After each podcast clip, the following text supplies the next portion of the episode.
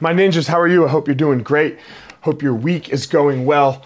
Uh, man, I posted something on my Instagram the other day, uh, a reel from a guy named Les Miles, who is a big time or was a big time motivational speaker. And in it, he said, or he just asked the question practice makes. And then the whole audience goes, perfect. And he goes, no, practice makes improvement. That's what practice makes.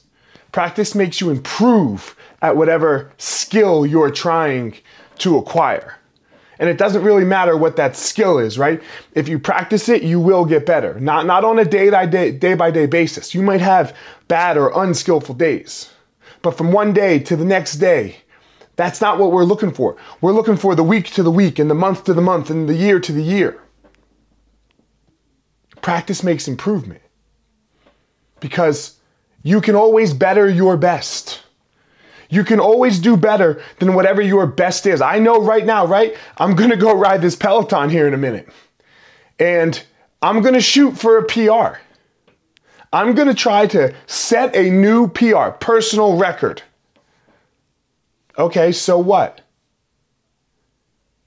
Right? So what? Good for me. Practice is what will make that. Practice is what will make that improvement.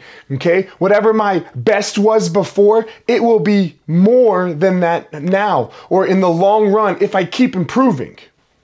Now, to set a PR physically, right, you have to do more than just the physical improvement. You have to be sure, make sure you're sleeping. You have to make sure that you are eating healthily and all these things. But if I keep practicing in all the ways that I'm supposed to practice, I'm not searching for perfect. I'm not ever searching for perfect. I'm searching for improve. That's all I want. And I'm not trying to improve based on what Michael Jordan used to be able to do playing basketball or what Les Mills used to be able to do uh, in the motivational speaking sense or where he is. I'm looking to improve based on where I am. I don't care about everyone else.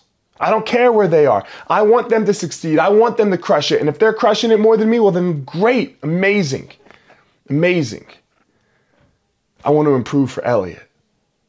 I want to improve for those two kids that I have downstairs, for my wife, for my family, and for, and for my students. That's the improvement that I'm looking for. For them, not based on them. And I'm looking to improve me. So practice, my ninjas. Practice hard. Practice a lot. But don't practice for perfect. Practice for improvement. Discover your passion, find your power, go give your purpose to the world.